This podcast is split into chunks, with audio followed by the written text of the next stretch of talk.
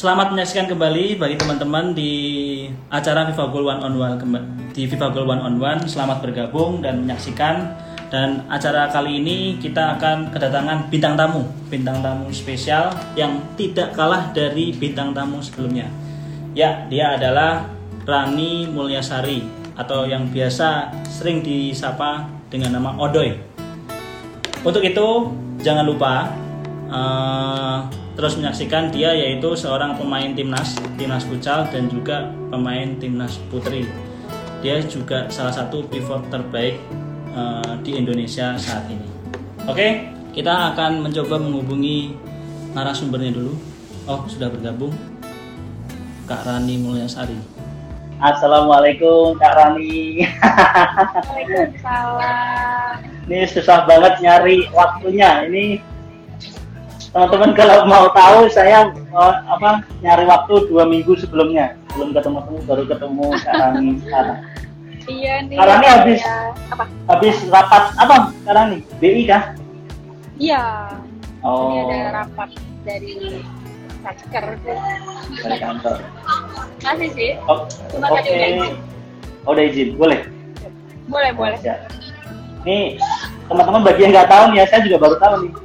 Karena ini sekarang lagi sibuk eh, di kantor Bank Indonesia. Iya. Kalau boleh tahu, kalau boleh tahu tuh tujuh bulan itu boleh diedarkan nggak sih karena kok saya belum dapat Kenapa? ini. Kenapa? Uang tujuh puluh lima ribu. Oh, udah. Bulan Oktober di Oh. transfer ke bank-bank. Oh, bulan Cuma Oktober. sekarang sih udah bisa sih. Hmm, caranya gimana tuh Secara kalau boleh tahu? Kenapa? Kalau boleh tahu caranya gimana biar bisa mendapatkan? Caranya cuma saat pakai satu KTP ditukarkan ke Bank Indonesia nanti dapat satu lembar uang tujuh puluh lima ribu. Oh, Syaratnya cuma. KTP aja sih. Oh, KTP dan menunjukkan uang itu. Dan juga menyiapkan duit dong, terutama. Tujuh puluh lima ribu. Iya. uang pecahan lima puluh ribu sama dua puluh sama lima ribu. Iya. Oke, Kak Rani. Berarti kesibukannya sekarang kan di kantor BI dan juga masih latihan ya? Heeh. Asli sih. Cuma kan lagi pandemi begini ya. Jadi nggak mungkin sih latihan rutin. Paling virtual kadang dari kantor. Oh, oke oke. Ini Kak Rani, ini titipan titipan pertanyaan dari teman saya nih. Nama Rani Odoy Mulyasari. Itu dari mana? Odoynya itu dari mana nih? Katanya dari tuh, mana ya? oh, Dari- mana? Enggak, enggak Oh, nyambung mana ya? kayaknya. Iya, aku juga bingung. Kalau ditanya seperti itu, bingung juga jawabnya. Cuma panggilan teman-teman aja sih, teman-teman Oh, dulu. awal mulanya gimana itu kalau boleh tahu? Karena aku lebih, aku sering ngomong odoy odoy gitu. Semua orang tuh panggil odoy, Oh. jadi dipanggil lah odoy gitu. Oh alah. Kenapa bisa manggil Odoy itu?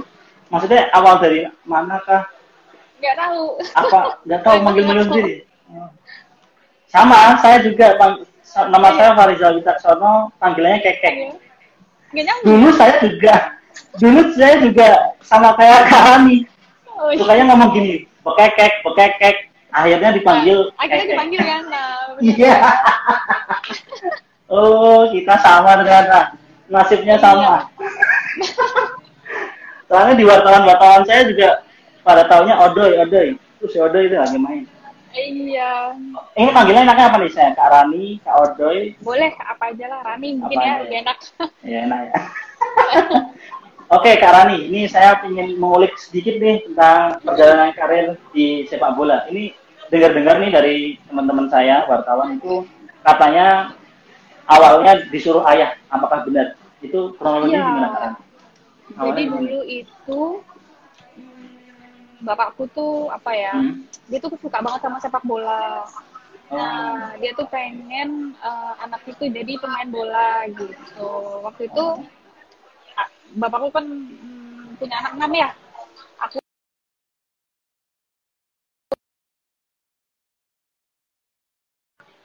empat itu cewek semua gitu. Nah, pada saat itu Oh. Bapakku tuh lagi senang-senangnya main bola jadi aku Iya. terus tuh yang sering diajak gitu Oh. jadi sering ikut dan dia tuh pengen banget kan Iya. jadi atlet sepak bola cuma nggak kesampaian jadi anaknya lah Oh. gitu Yang dipilih malah cewek ya, nggak cowok ya malah ya. Hmm. itu gimana kok kenapa yang enggak yang cowok kan tadi ada enam empat cewek dua cowok dong berarti kenapa yang yang dipilih malah ya. Masih kecil kali adekku. Oh, Dan kayaknya nggak oh. suka sama sepak bola. Dan kebetulan Oh, juga udah dari dari kecil sih main sama teman-teman rumah gitu. oh main di gang-gang gitulah ya main di Iya, kampung gitu ya di kampung-kampung dulu tuh lapangan sepak bola ya. Dan itu mainnya sama cowok. oh sama ceweknya satu doang Rani Oh, doang oh, oh. iya. Dan akhirnya itu bapakku tuh nawarin buat masuk klub. Waktu Nah, itu itu- aku ikut klub uh, Asiop. Oh, pertama Buana Putri. Sebelum Buana Putri sih aku ikut Asiop sama oh sempat Asio Asio Putri ada ya Asiop. Ada. Dulu putrinya itu cuma empat orang kalau nggak salah. Cuma nggak tahu sekarang pada ke mana. Waktu Oh. itu satu angkatan sama Samsir Alam. oh Mas Samsir Alam iya iya Nah, pelatihku tuh dulu dilatih sama almarhum Pak Roni Patina Sarani. iya Pak Rani ya. Hmm. Timnas ya ya ya Sama dia, sama Om Auria, sama Om Giman. oh. Nah, akhirnya dari situ eh, tahu lah sepak bola tuh ada Buana Putri yang di Jakarta ya, ada Buana Putri, Iya. ada UNJ. Mereka kan Iya. selalu bersaing tuh. Akhirnya aku Iya. coba ikut kedua klub itu. Sempat ikut latihan Itu di umur- sempat ikut latihan di Buana Putri gitu. Hmm. di Bunda Putri itu kira-kira umur berapa itu Kak boleh tahu Masih SMP ya, kelas 3. 13 berarti ya 14 ya 13 14 ya Iya, 13 14 tuh aku udah mulai ke klub-klub. hmm. Cuma mungkin Oke, masih banyak. Hmm. Oke oke oke. Ini kak boleh boleh tahu nih di awal sepak bola nih saya masih bingung nih tentang biodata atau geografi ya kak Rani.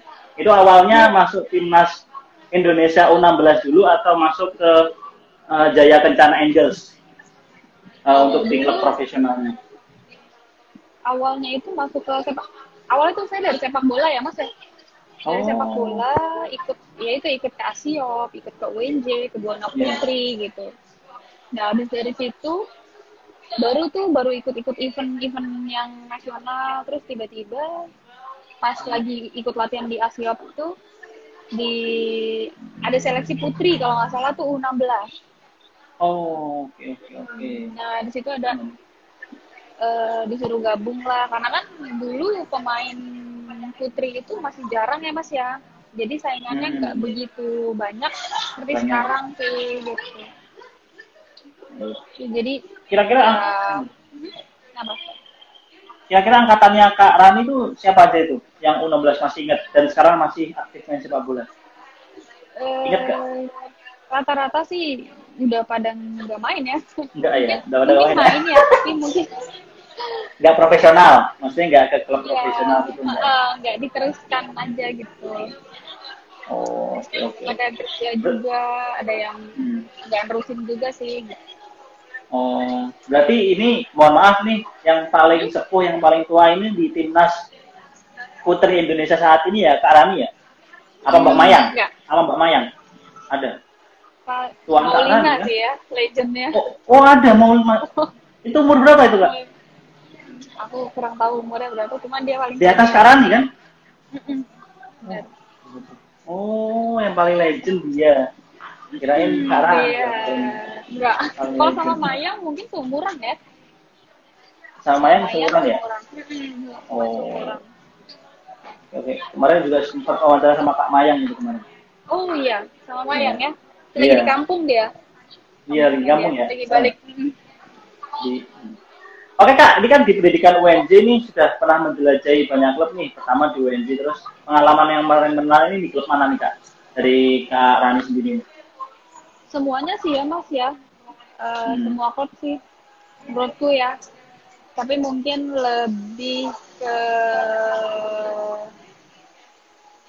mana ya? ini nggak apa-apa sebetulnya. Saya Persiba karena sekarang jadi juara atau kemarin pas Iya, lebih Angels ke itu iya. Mungkin lebih ke 2009. Persiba kali ya, karena kan awalnya ya sama aja sih sebenarnya semuanya. Cuma mungkin kalau Persiba ini kan awalnya aku di final itu kan ngelatih ya bareng Coach Rizal juga gitu. Jadi Oh. sebelumnya sebelum adanya Persiba ini eh, kita ikut Linus dan klubnya itu ada namanya Final Final, Final Jakarta kan? Mm. Hmm. Nah itu kita ikut Liga Nusantara dari situ, tapi di situ posisinya aku sebagai pelatih sama coach Rizal gitu. Asisten berarti? Apa emang coach? Hmm, Coach. asisten, Oh, aku asisten. Asisten coach. ya. Tapi juga main? Ya. Enggak, karena kan itu liga Oh. amatir, Oh, nggak boleh ya? nggak boleh. Oh, Dan iya. kita tuh pengen ada wakil dari Jakarta juga gitu, dan pengen Iya. pengen ngembangin si female FC-nya ini gitu. Akhirnya kita merger lah sama si Persiba ini gitu. Jadi bener-bener dari bawah banget sih. Gitu. Terus Oh. ke Liga Pro ternyata juara gitu. Dan memang mayoritas pemain-pemainnya juga pemain-pemain isinya ya ha, banyak orang bilang pemain tim nasional. Iya, El Clasico itu dah. El Clasico dari Kebumen Angels yang mantan benar. juara tahun sebelumnya. Iya, benar. pemainnya udah matang-matang ya. Iya. Cuman karena berdirinya. Hmm, Gimana Kenapa? gimana? Gimana tadi Kak Rani? Tadi mau apa? Iya, memang banyak banget sih ya pemain-pemain yang berpengalaman juga kemarin di Persiba karena kan sebelumnya di rata-rata dari ada yang Kebumen, ada yang Jaya Kencana juga kan. Hmm, gitu. Dan ada juga yang masih kecil tuh si Seva. Itu kan dia aslinya sepak bola kalau nggak salah. Oh, Timnya itu dia gugur akhirnya kita ajak main. oh gitu. Oh. Hmm, jadi gabungan.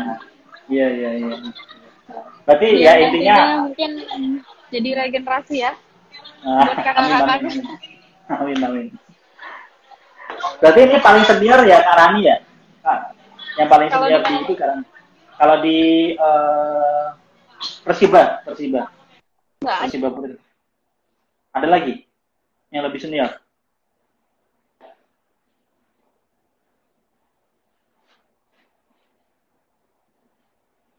Halo? Cek, cek. Halo Kak. Nah, tadi Kak Rani. Nah, live? Sebentar ya guys, kita akan hubungi kembali dari Kak Rani ya. Tadi sedikit ada kendala. Kita hubungi lagi.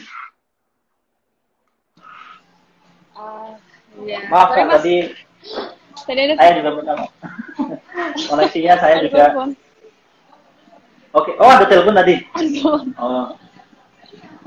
Oke kak, Eh, Ya. Kak Rani kan sekarang juga futsal juga eh, juga eh, sepak bola nih. Ini kira-kira kalau suruh milih nih, pilih futsal apa main bola kak? Kalau disuruh milih ya, Hmm. kalau suruh milih sih, ya kalau bisa dua-duanya sih.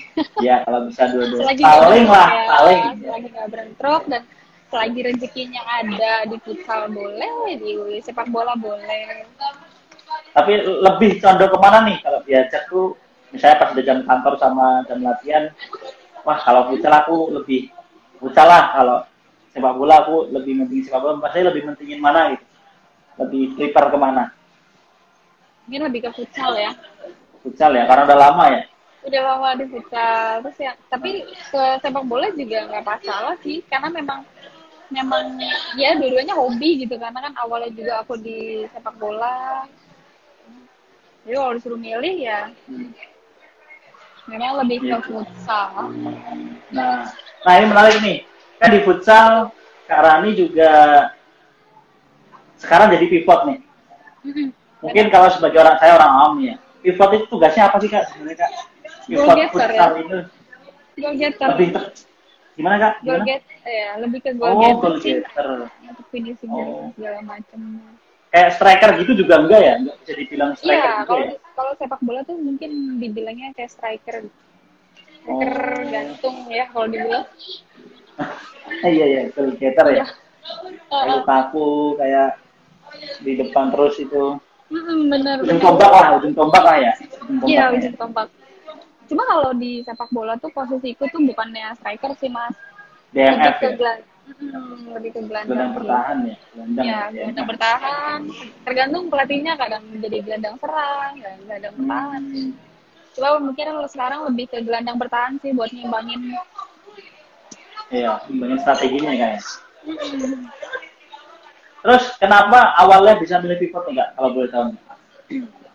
Awalnya kenapa bisa milih pivot? Mungkin Iya, apa emang dipilihkan oleh pelatih atau emang kemauan sendiri jadi goal getter atau pivot apa gimana?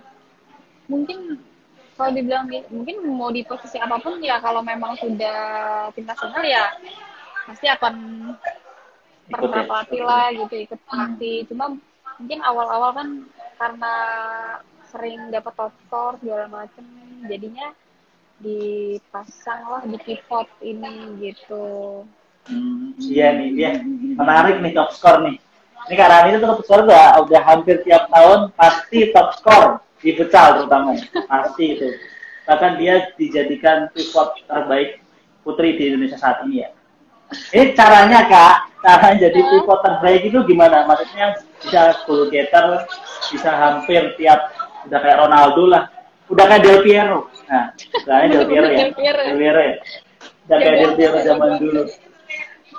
Nah itu top, kok bisa eh, jadi top skor terus dan itu motivasinya apa? Apa karena emang berlatihnya berlatih keras, shoot atau juga dan lain-lain gimana itu kak caranya cara melatih jadi pivot Oh, baik gitu? iya Apa? kalau ini sih apa ya ya mungkin ya mas eh, udah udah apa ya udah biasa juga kan dipasang di pivot juga terus juga udah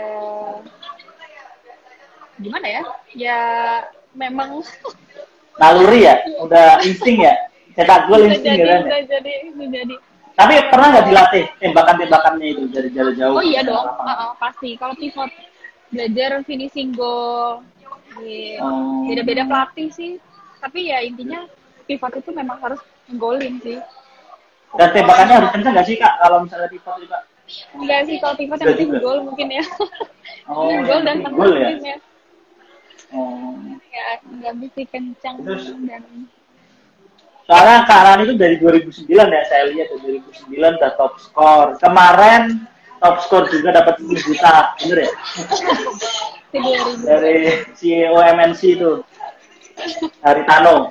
Saya masih ingat tuh, Iya. saya lihat pas di TV itu. Gila nih pemain nih.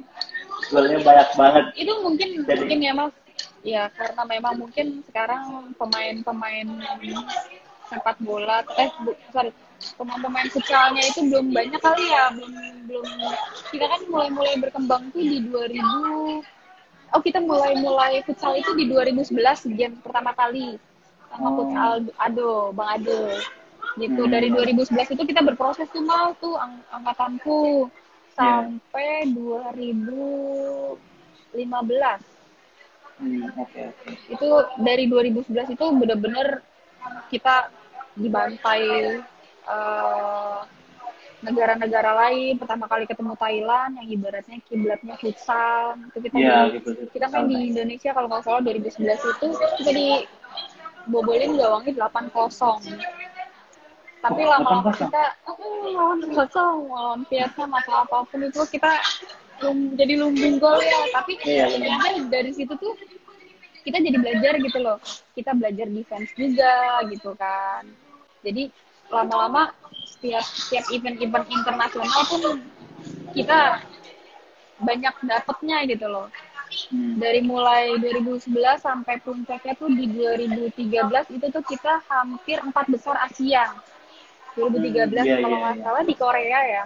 Ya di Iya. Korea. Itu kita belajarnya dari defense dulu mas. Defense Oh, bener-bener lawan-lawan Thailand segala macem tuh. Kita bener-bener latihan dan kita juga latihannya persiapannya di tim nasional itu sama cowok. Hmm, sama cowok langsung. Mm, sama cowok. Kita kalau sparring sama cowok. Timnas juga, apa yang amatir? Enggak, enggak mungkin timnas juga. Mungkin mungkin umur-umur eh, ada yang kuliah, ada yang Oh. SMA. Itu kan lagi seneng-senengnya lari tuh, lagi seneng-senengnya Iya, iya. pegang bola tuh kalau cowok Iya. kan. Iya. Nah, itu mungkin buat gambaran ke kita untuk oh ini loh kualitas Thailand seperti ini gitu. Oh eh, Vietnam tuh seperti ini, Jepang seperti ini gitu. Hmm. Oke, oke. kalau Berarti futsal eh, lawannya putri lagi mungkin kebanyakan sih kalau lawannya putri kita belajar untuk finishing oh berarti untuk finishing cetak gol ya? karena pelatih ya karena pelatih kan bilang ya tim nasional ini udah pemain-pemain terbaik yang dipilih gitu loh.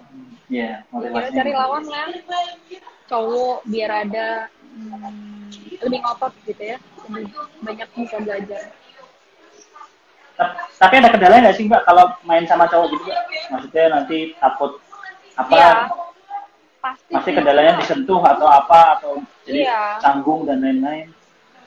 mungkin lebih takut untuk beradu sih cuma kan kalau udah seleksi itu kan mau sampai cedera atau apa pun kan tetap harus nunjukin ya kualitas segala Oh. macamnya jadi mungkin bedanya lawan cowok kita bisa belajar defense juga kalau memang cowoknya bisa kuat pegang bola gitu banyak banyak sih belajar mas karena memang eh, kita selalu sparingan di Indonesia itu harus lebih kemampuannya harus lebih di dari tim nasional putri sih ya itu kenapa dipilih cowok Hmm, oke oke oke oke. Ini kan ada pertanyaan dari Ditya Masta. Karani pernah nggak kiper udah lewat dan gawang kosong tapi nggak gol? Udah ngelewatin semua nih dan kiper tapi nggak gol. Pernah. pernah dong Iya. pasti pernah Itu malu apa nyesel apa apa ya? nyesel Pas lawan siapa itu? ya. lupa mas Oh, udah lama ya, udah. Ini Ya, udah kayak sih karena momennya banyak banget kan tapi pernah kok pernah pernah. pernah Wah itu kesel nyesel semua campur aduk itu mah. nyesel apalagi kan kalau putri itu kan main itu kadang mood itu ngaruh ya mas ya kalau mood kita Oh, iya. jelek juga Oh. hmm, benar PMS itu ngaruh. ngaruh Iya om. Susah Gak mungkin juga ya. ngaruh kalau ada yang bilang gitu bohong gitu Bohong ya, bullshit ya. Tadi, tadi Karani ngomong kalau jadi top score itu tanda kutip ya berarti udah kasarnya Karani itu udah ada, ada lawan lagi ya di kompetisi Indonesia ya kak. Enggak juga sih. Sampai jadi top score itu dan gampang banget kayaknya itu lah. Mungkin rezekinya kali ya. Eh, rezekinya. Iya, Oh, nggak mau rezekinya sambung itu. ya? Nggak boleh. nggak boleh. Sombong. Tapi boleh. Ada aku dia.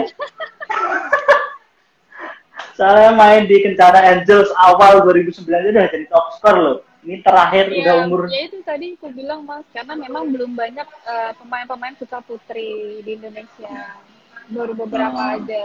Dan sebenarnya sih semuanya bagus juga ya, cuman ya itu kembali lagi ke rezeki sih, rezeki rezeki ya.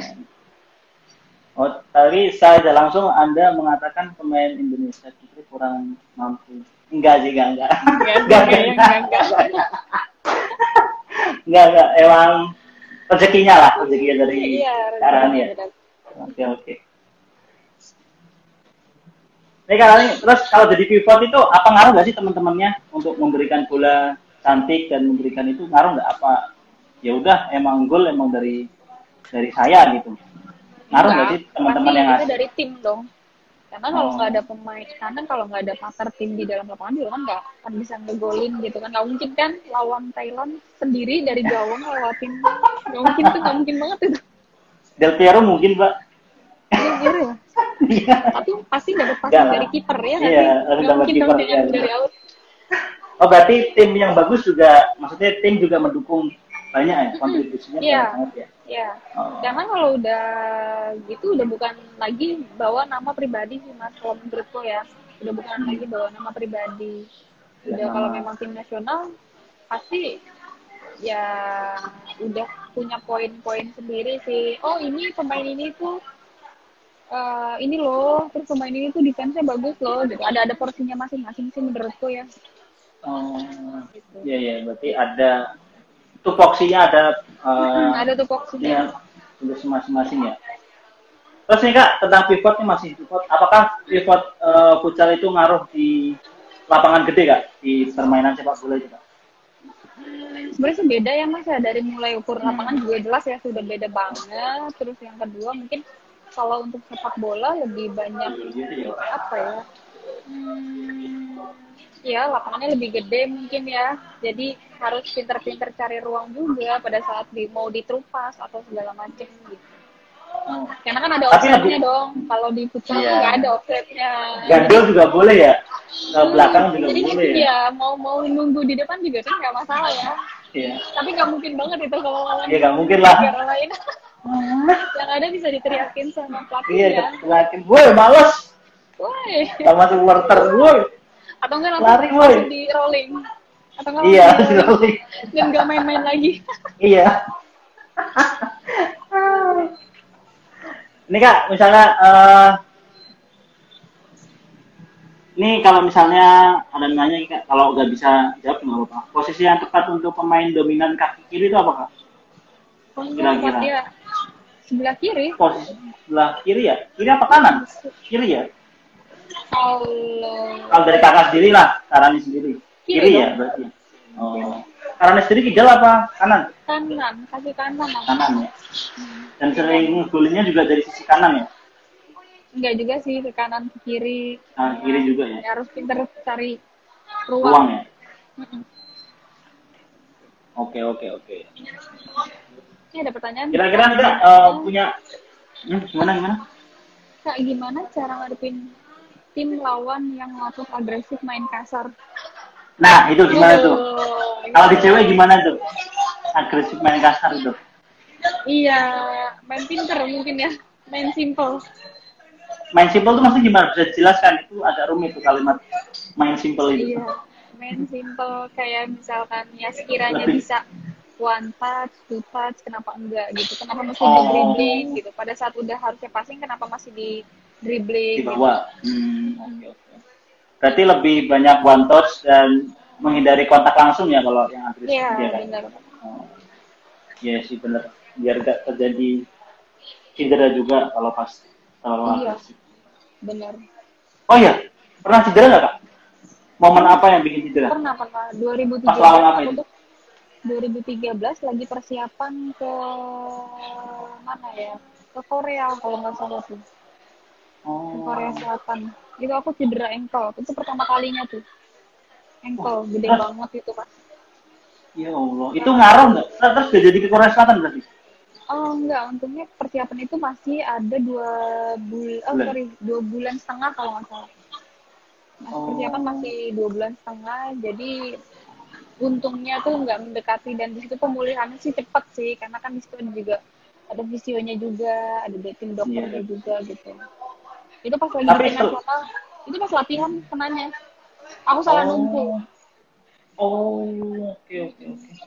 Terus ngaruh ketika pas pertandingan atau match kompetisi di Korsel nggak? Kira-kira? mungkin eh, ya ngaruh sih tapi tergantung pemulihannya juga sih mas pasti kan ada apa ya traumanya ya nggak sih Iya benar trauma banget. pada saat hmm, pada saat Lebih kena ya. terus coba turun lagi ke lapangan itu ada traumanya itu udah lumayan lama sih sebulan itu buat adaptasi lagi karena untuk melakukan gerakan eksplosif itu agak lebih sulit karena kan kita ankle-nya kita tuh lagi bengkak ya Hmm. agak sulit ngelakuin gerakan eksplosif gitu. Sedangkan kan kalau pivot itu memang harus punya gerakan eksplosif gitu. Iya, Gitu. gerakan yang Mau gesit siapa pun ya. itu sih nggak cuma pivot doang gitu. Iya, futsal mah semua mbak, nggak muter Hmm, udah itu benar, pivot benar. doang. Heeh. Cuma enaknya di futsal mungkin abis keluar masih bisa masuk lagi. Iya, bisa tuh. istirahat. Oke, cara menghilangkan trauma tadi seperti apa itu pas ankle itu mas tadi? Eh, Ngilangin trauma itu satu bulan tuh. ngilangin trauma sih ya Apa itu ya, main tipis-tipis? Apa?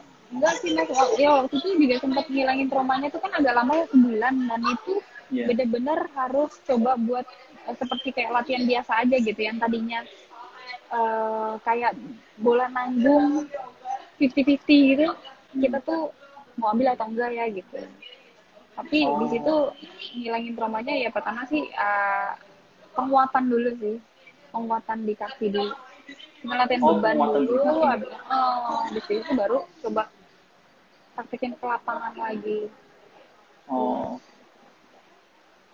Ini karena ada tanya nih, karena sekarang sibuk kerja nih di BI. Gimana sih cara tetap menjaga kebugaran dan fisik supaya tetap stabil saat latihan di lapangan?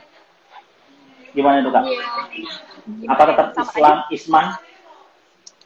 Sama aja sih ya, Sekarang kan tetap sibuk. Hmm. ya kalau mungkin kalau sebenarnya sebenarnya sih gini ya kalau tim putri itu kalau tidak dalam persiapan itu pasti mereka mm, nggak rutin paling cuma Oh. sehari sekali gitu cuma kalau untuk lagi persiapan tim nasional atau liga pro itu kan pasti pagi sore tuh mas tuh latihan Oh iya Pak, wajib ya. Hmm, hmm. Nah, cuma kan kalau di kantorku kan memang disupport banget ya olahraganya karena kan itu juga masuknya lewat hmm, jalur prestasi olahraga. Jadi eh, disupport banget kalau untuk ikut liga pro, tim nasional apalagi gitu. Jadi memang diperbolehkan banget untuk ninggalin kerjaan sih. Ketika ketika ingin mengharumkan nama bangsa ya, boleh ya. Iya, benar. Apalagi tim nasional ya. Gitu. Oke oke. Itu mohon maaf di BI udah tetap ya kak ya? Alhamdulillah udah tetap mas di dari 2019 Oh dari 2019. Oh. April kemarin. Ada berapa ya? 27 atlet Yang masuk di BI. BI. 29. Tapi semua cabang sih mas. Ada basket, ada sepak bola, Hmm. ada banyak sih. Ada volley juga, ada tenis meja. Gitu. Oh di futsal cuma Karani aja. Ada ada bertiga mas sama Diana sama dia. Mereka Oh, satu si Diana itu di KPW Bandung. Hmm. Kalau dia itu dia di Jogja penetapannya. Kalau kakak di Jakarta ya? Di-. Iya, kalau aku di KP sesuai domisili sih. Oh sudah di sini. Sesuai domisili. Ini kak ada pertanyaan bagus nih dari Kobuls Jaya. Kak prinsip apa yang kak Rani pegang untuk menjadi pemain bola? Nah ini agak mendalam nih. Prinsip apa yang kak Rani pegang untuk tetap menjadi pemain bola walaupun kerja? Eh, Prinsipnya apa kak? yang pertama sih yang nggak cepet puas sih ya mas ya karena Ah, iya nggak cepet puas tuh itu paling utamanya terus apa ya? Hmm, kayak misalkan ada beberapa kalau aku nih kalau aku ya ada beberapa event yang aku benar-benar penasaran. Kayak misalkan eh, misalkan contoh kayak tim nasional gitu kan. Tim nasional nih Iya. kemarin tahun 2013 misalkan target golku kok 7 nah kalau bisa di tahun berikutnya lebih dari itu gitu. Sampai bat sampai batas kemampuanku tuh sampai mana sih gitu Oh, oke oke. Berikan target ya berarti ya. Iya, target target yang sih. puas ya. yang penting jangan takut sama law sama si lawan siapa pun sih karena Oh. untuk persiapan tim nasional tuh futsal ya kita Ya. tuh ikut event ikut event itu yang lawannya itu yang sudah memang kelas dunia sih kayak Jepang kita pernah lawan Cina kita pernah lawan Korea kita pernah lawan lagi Thailand yang dibilang kiblatnya sampai kita pernah lawan Iran mas Wah itu paling itu mah udah juara itu mbak. itu Ah, bingung ya mas ya kita mau main Iya. kita bener-bener setiap ikut event internasional yang se Asia itu Iya. kita bener-bener belajar yang namanya cara defense Wah defense yang paling berat ya. dan pada kita tuh kalau salah empat eh tiga tahun lah kita belajar defense. Tiga tahun. Tiga tahun. Dari 2011 tuh kita bener-bener defense terus. Tapi pada saat tiga tahun berikutnya kita bisa ngimbangin eh, Thailand. Hmm, sampai kita bisa seriin ya. Thailand. Uh, bener-bener berproses sih. Prosesnya luar biasa banget. Makanya nih berharap banget sama yang sekarang regenta penerus penerus kakak-kakak Regenerasi ya? Hmm, memang kayaknya memang harus sudah regenerasi ya Udah iya, udah. Ntar lagi kepala tiga lagi Karani nih. Udah, regenerasi. Tapi gak kelihatan loh. Karani tuh awet muda lah, kan 21 loh. Nah, ternyata Oh, iya. udah hampir Maaf, kepala ya, tiga. kalau gitu KTP-nya diumpetin ya Iya, diumpetin aja. Jangan tunjukin. Apalagi yang mau ngelamar, jangan tunjukin. Tapi kalau menurut Karani itu tadi kan udah lawan Iran, udah lawan Thailand, udah lawan Cina, Jepang dan lain-lain. Berarti menurut Karani eh, timnas Indonesia futsal putri ini udah bisa bersaing nggak sih kak? Menurut kalau di level itu internasional? uh, uh, udah sih kalau menurutku udah mulai lebih berkembang dari dibanding 2011 ya maksudnya itu dibilang 2011 selama tiga tahun itu kita jadi tim eh, jadi dibantai terus tuh sama negara-negara lain Iya. masih Asia Tenggara tuh ya Iya. masih Vietnam masih megang kan Vietnam Iya. Thailand gitu Kadang kita lima lah, udah bisa. Awal-awal itu target lima terbaik, terus target lagi tiga terbaik, terus target lagi ya kalau memang bisa satu dua kenapa enggak gitu. Iya. Prestasi terbaiknya apa, Pak? Kira-kira. Kalau prestasi terbaik sih itu sih mas hmm, lima besar Asia. Oh, pernah ya 15 Asia ya? Pernah pernah kita Di, tapi tetap di bawah Thailand ya? Apa Di atas Thailand, Bu? eh di iya Thailand ya? Hmm, iya iya benar-benar. Oh enggak Ta- justru malah Vietnam. Kalau nggak salah ya, kalau nggak salah itu Oh, Vietnam malah di atas kita. Mm-mm, Kita Jep- lima. Jepang, Oh, Jepang, Iran, Jepang, Iran, Mm-mm, Jepang, Iran, terus apa ya? Vietnam. Eh, Vietnam empat atau tiga ya, gitu ya? Mm, oh Vietnam empat, kita lima. Empat ya? Aku lupa Iya, iya. tiganya tuh siapa? Iya, iya, iya. Oh, berarti lima besar ya? Itu keren itu, Besar. besar itu. Asia loh mas. Iya, Asia masalahnya Iya, ini. tapi Allah memang terus dibantai terus terus dibantai Iya. gitu. Perjuangannya ya, Pak. Itu tiga tahun tuh enggak, biasa. enggak sebentar itu tiga tahun. Ya sebentar. Dan itu udah ganti-ganti pelatih berapa kali. Iya, ya. Iya. Jangan aku berharap sih Pak. Di sekarang-sekarang ini kalau kulihat ya sepak bola dan sepak mau sepak bola maupun futsal itu udah lumayan berkembang dan atlet-atletnya juga sudah mulai banyak. Yang pertama kayak misalkan Liga Pro udah banyak pemain-pemain muda nih yang turun gitu. Terus yang sepak bola nih ngebantu banget nih adanya Liga 1 kemarin tuh. Oh, bantu banget. Ngebantu, Mm, ngebantu banget. Jadi kelihatan tuh mas pemain-pemain yang belum kelihatan sama pemandu bakat pelatih timnas Iya. tiba-tiba kelihatan. Mm, Kan sel- selama ini cuman kayak Papua lagi, Papua lagi. Iya, Papua lagi. Sekarang Persib. Tapi sekarang juga. lebih banyak sampai ke Bangka Belitung pun pemain-pemain mudanya banyak gitu yang bagus. Banyak loh. Salika, siapa aja itu? Ade Mustika. Banyak Yang ya? ada Mustika. Banyak banyak banget. Banyak banget ya. Sekarang banyak banget nih yang atlet-atletnya. Hmm. Tapi ya emang sepak bola ya masih belum bisa ya. Belum bisa ngangkat ya. Eh, Sepak bola putri ini ya. sedikit-sedikit sudah mulai berkembang sih mas. Udah mulai ya, udah lumayan lah ya. Mm-mm, Kemarin Daripada aja, dulu ya? iya bener dari du- duluan. Juga kalau kebobolan banyak terus tuh sekarang udah lumayan dan eh, kita bukan lihat golnya juga sih. Kalau kalau aku ya lihatnya bukan lihat Iya. golnya, tapi gimana caranya nih si atlet-atletnya ini eh, berkembang gitu loh dan banyak gitu peminatnya. Sekarang tuh udah cari pemain itu udah udah bukan lagi eh, misalkan siapa gitu satu orang oh udah tim nasional dia aja eh, dia dia doang nih gitu tapi sekarang enggak gitu banyak dari daerah-daerah udah banyak mulai-mulai kelihatan dan itu sangat banget ngebantu sepak bola maupun futsal. Hmm, ya, sangat bantu ya. Oke, ini adalah dari Zikri Adila, Kak Rani seminggu semangatmu. Apaan sih, woi? Buaya darat, buaya darat. Jangan diroin, Mbak. Ada Putri terbaik yang dimiliki Indonesia, benar. Saya setuju. Pivot terbaik.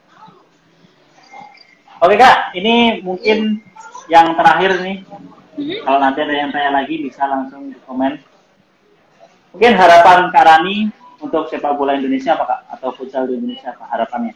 Harapan ke depan lah. Nah, harapannya ke depannya mungkin di eh, mudah-mudahan ya lebih berkembang lagi. Terus yang kedua mungkin eh, banyak lebih banyak event yang diadakan oleh PSSI atau Federasi FFI gitu buat buat nambah pengalaman-pengalaman mereka di jenjang internasional ataupun nasional gitu.